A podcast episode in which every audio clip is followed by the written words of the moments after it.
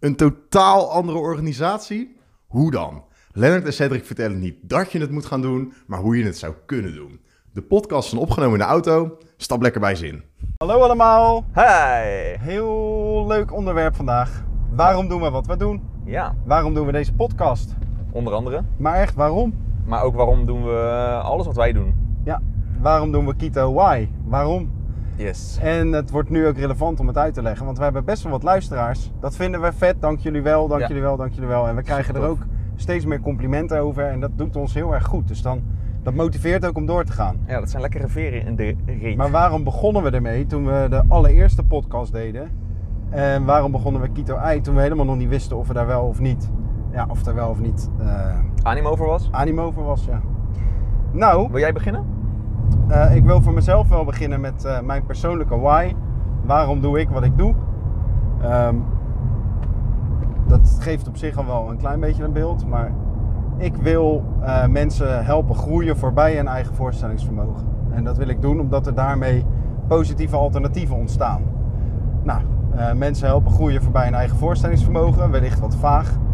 Ik ben daar echt heel erg van. Dus of het nou collega's zijn of ondernemers die we aan het helpen zijn, of medewerkers van ondernemers. Ik wil mensen helpen groeien.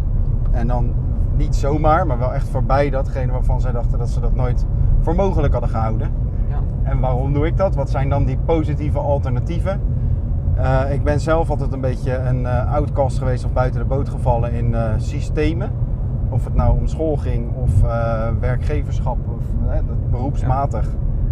En ik vind het heel erg prettig als er positieve alternatieven zijn voor of werkplekken Ja. of ehm, alternatieven binnen hetgene wat er.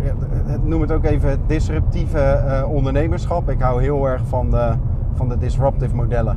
En Ja. eh, Wat is je grootste, wat is de grootste positieve alternatief? Wat jij... eh, Keto. En wat is het kleinste positieve alternatief wat jij hebt? Nou, dan moet ik hem misschien omdraaien. Het kleinste is Kito, het grootste is mijn zoon. Ah. Ah, nee. Dat is knap en lief. Nou, nee, ehm het kleinste, goh, eh, geen Ja. idee. Geen idee. Nee, maakt niet uit. Nee. Ik denk, vraag maar. Ja. Nee, hoe heet het? Ben ik eh, nu? Mag ik? Ja, ik ben, het- Oh. jij hebt een hele mooie why die eh, heel erg complementair is aan die van mij, hè? Ja, dus misschien nog een klein nog extra intro is dat we natuurlijk een beetje de whys bij en verschillende mensen achterhalen. Maar ja, dan moeten we ons, die van onszelf natuurlijk ook weten. Dus dat hebben we ook bij onszelf gedaan. En die van mij is ehm, to break through mindsets, dus het doorbreken van bestaande patronen en mindsets. eh, om ervoor te zorgen dat mensen wat meer wijsheid krijgen. Dus een beetje wisdom sparken, dat is eh, mijn Engelse variant ervan. En hoe dat een beetje ontstaan is, is dat ik altijd een beetje. Ik ben altijd bezig geweest, of ik vond altijd wel interessant mensen die wat wijzer overkomen. Ik vond de filosofische boeken altijd heel erg interessant. Maar ik luisterde ook veel naar mijn opa, die ik vond, ja, ik vond dat dat een wijze, hij leeft nog steeds. Ik vind dat dat een wijze man is.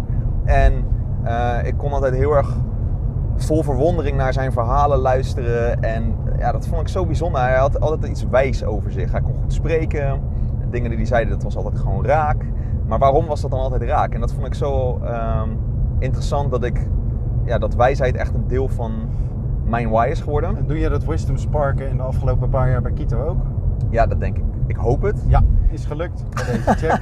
Doe je dat ook voor klanten? Yes! Ja. In hoeverre klopt dat nou bij de why van Kito? Nou, heel erg goed. Want eh, de why van Kito is to be an inspiring rebel that dares you to break your own boundaries so that people can flourish. Flourish, floreren.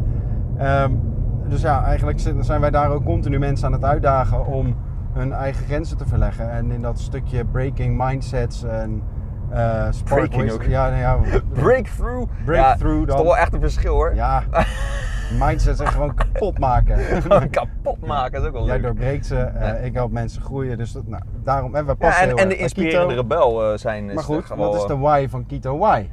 Ja, Eh, en daarin, eh, nou, die hebben we niet precies achterhaald nog. Eh, alleen wij, het is wel we zitten nu gewoon op een combinatie tussen ons twee, denk ik. En, Ja. eh, en, en hè, dus het, het, het doorbreken van bepaalde vaste patronen. Hè, dat er positieve alternatieven ontstaan. En ook mensen voorbij hun eigenlijk voorstellingsvermogen laten groeien. Om ook die, en de wijsheid te sparken. Dus een beetje die, die, beetje die cross. Maar wat wij willen bereiken met Kito Why over een aantal generaties. Hè? Dat is wel een beetje onze missie. Ja, wij willen over een aantal generaties willen we dat in ieder geval meer dan de helft van de wereld gewoon naar zijn werk gaat en naar zijn werk gaat, eh, dat ziet als iets leuks. Eh, of dat het niet als werk voelt. Wij hebben zelf voor onszelf ook gewoon bepaald. Wij willen zelf niet het gevoel hebben dat we naar ons werk gaan. Eh, het is gewoon een deel van ons. Ja. En dat doen wij. En daar verdienen we toevallig geld mee. Hartstikke mooi meegenomen. Maar we vinden het hartstikke leuk om te doen. En Ja. werk voelt niet als werk. En Dat wij gunnen wel- dat aan eigenlijk aan heel de wereld. Maar wij zouden, het echt, eh, wij zouden er heel erg direct bij betrokken willen zijn. Om ervoor te zorgen dat tenminste 50% van de wereld over een aantal generaties dat doet. En als wij daar iets aan bij hebben gedragen. Of iets essentieels. Dan zijn we daar dolgelukkig mee. Ja, of misschien, al, misschien is het wel zelfs nog een beetje klein eh, wat we hebben gedaan, maar dat we in ieder geval mede onderdeel zijn van die, die beweging, zeg maar. En dat we, dus daarom ook deze podcast, onder andere om gewoon informatie te verspreiden en mensen hopelijk een beetje te inspireren dat andere manier van werken, waardoor het niet meer voelt als werk, best wel mogelijk is. Daarom ook jouw boek die Boek komt eraan. oktober 2018 uitkomt. Waar Ja. er in ieder geval meer dan 100 van verkocht zijn. Dank jullie wel. Yes. Ehm, En en alles wat we daarom bij... eh, wij bij, ja, voor andere ondernemingen Precies. en eh, organisaties. Ja.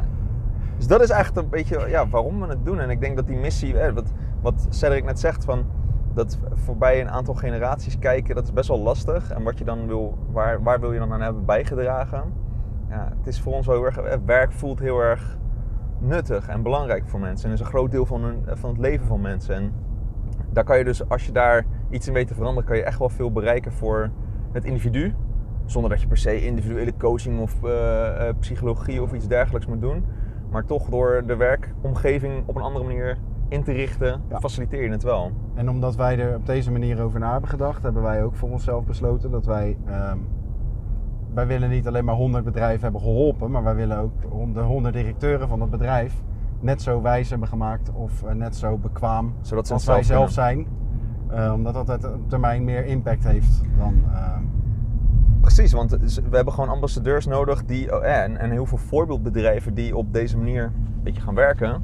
Zodat ze heel veel andere bedrijven aansteken. Of dat heel veel mensen denken, ja, bij dat soort bedrijven wil ik zeker werken. Maar bij al die andere bedrijven waar het veel traditioneler gaat en waar er managementlagen zijn en heel veel regels. Waarom zou ik daar in hemelsnaam willen werken als er heel veel andere mogelijkheden zijn? dit is ook de reden dat wij heel erg graag eh, samenwerken en eh, praten met mensen die in hetzelfde werkveld zitten of eh, Precies. hetzelfde gedachtegoeden hebben om te kijken waar we elkaar kunnen helpen versterken. Precies. Oh, eh, Denk aan Corporate Rebels of Edwin van der Geest die daar goed mee bezig is. En zo kennen we nog een hele hoop andere mensen die hier best wel eh, nieuw organiseren. Nu. Nou, het zijn allemaal... Dit is waarom wij graag op podia staan. Yes, Eh, dat eh, soms betaald, maar ook heel vaak gratis doen. yes.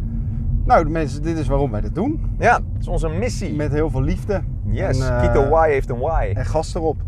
En eh, we En daarom zijn we ook vlogs gaan opnemen. Daar ja, die komen er binnenkort eh, die- ja. ook aan. Toch? Ja, volg onze LinkedIn pagina. Die is pas vandaag aangemaakt trouwens. LinkedIn pagina Kito Y. Ja. Ehm, YouTube kanaal Kito Y. Ja. Staat nu nog niet veel op, maar gaat allemaal komen. ja, en ik denk als je, als je nou dit hoort en je, je werkt in een organisatie waarbij je denkt, nou, we zouden ook wel zo'n voorbeeldorganisatie willen worden.